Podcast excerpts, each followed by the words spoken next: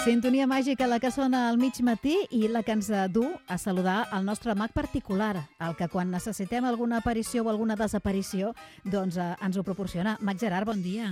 Bon dia a tothom. Ets el típic mafiós aquí trucar, no? Mafiós en el bon sentit. Clar, dius, Mafiós mira, màgic. fes-me desaparèixer algú i que sembli un accident. Pam! Home, això, això ha sonat fatal, eh, No Núria? feu, això, els mags? No ho feu? Eh? No, no, no, No. Mira que arriben propostes, eh? El que passa que som bones persones i no ho fem. Bueno, així m'agrada, que sigueu bones persones. I tant, i tant. Què hem de fer avui, Gerard? Doncs a la història de la màgia parlarem del Garcimor, un mag que no era francès, sinó que era d'Albacete i va triomfar a França. Mhm. Dins de la secció Escola de Màgia, un joc amb un rellotge és un truc de màgia ideal per a fer nens, us explicaré el motiu després, i a recomanacions màgiques, dos pel·lícules màgiques per recordar. Entrem en matèria? Som-hi!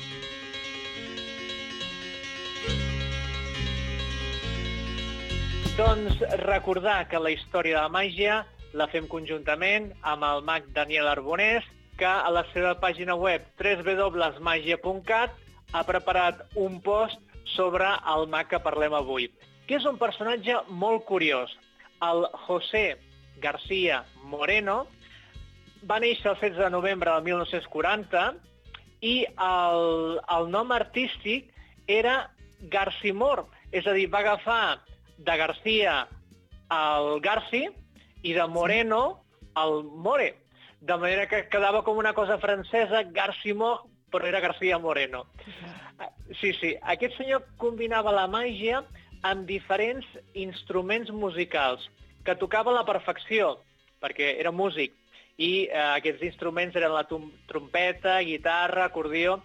Feia aparèixer animals insòlids en els seus espectacles, com ratolins blancs, micos o mussols, que li ajudaven a la seva màgia.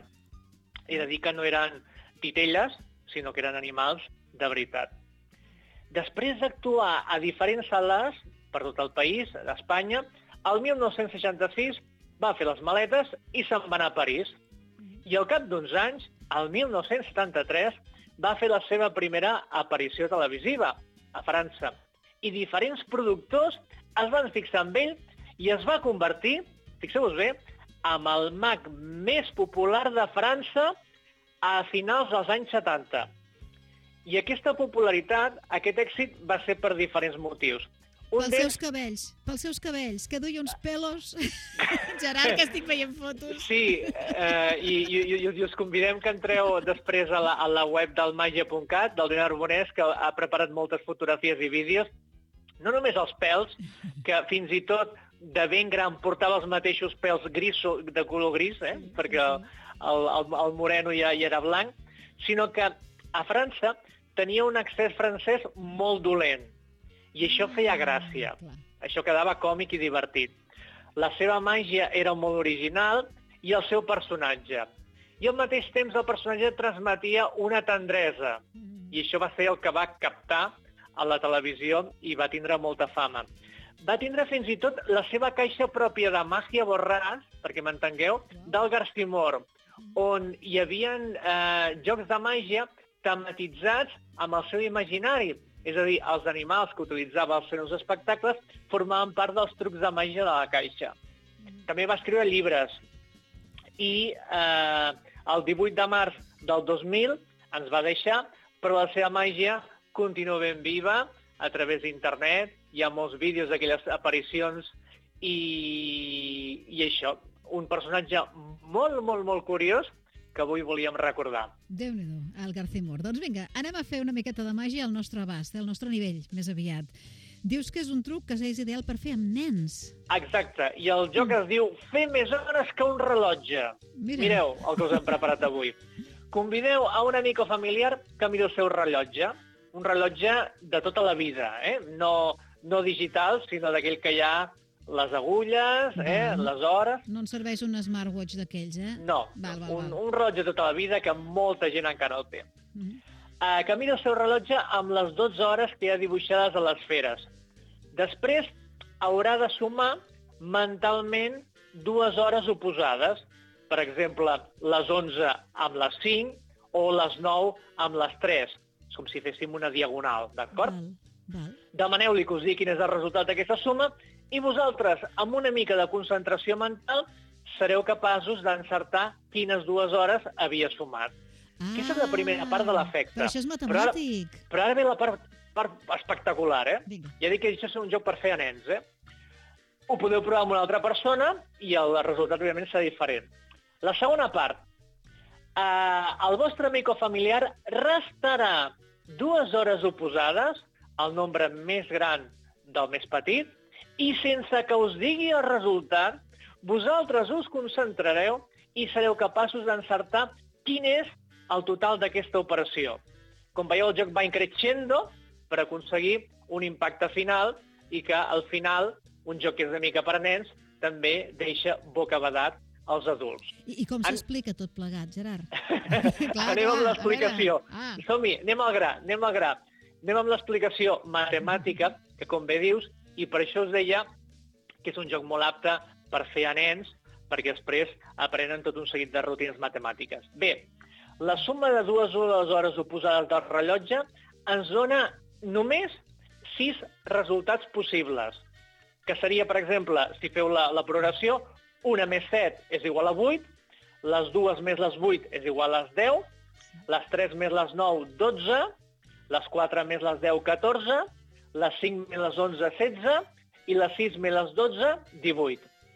I, i fixeu-vos bé que és la progressió aritmètica, és 8, 10, 12, 14, 16 i 18. Clar. És a dir, que és fàcil de memoritzar o tindrà una xuleta.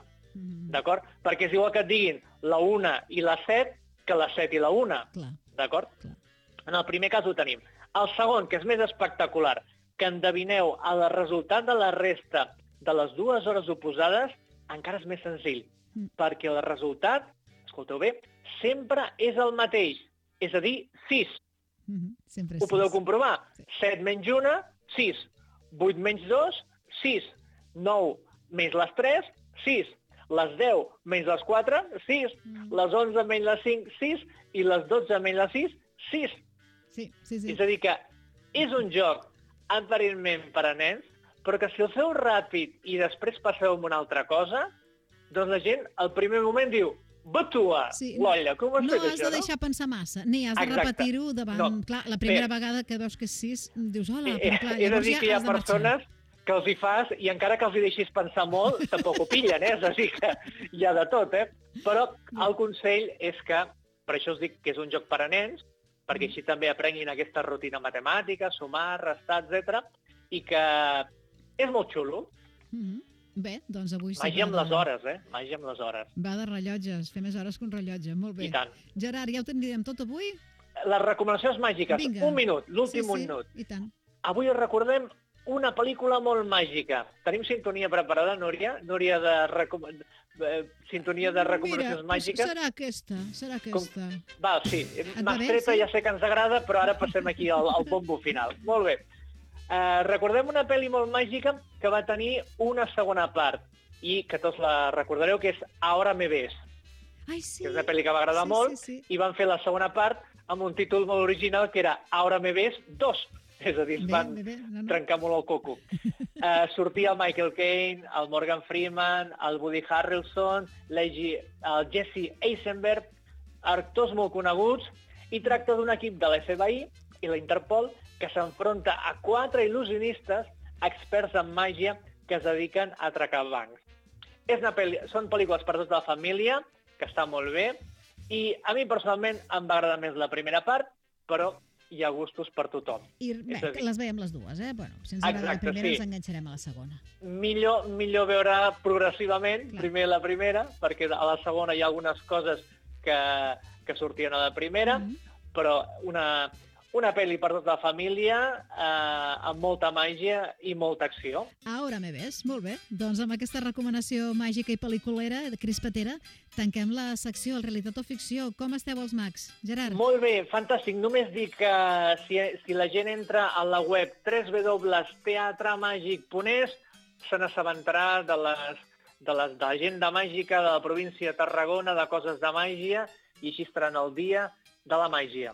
Així ho farem. Fins la nostra propera cita mensual. Gerard, moltes gràcies. Fins aviat! Fins aviat.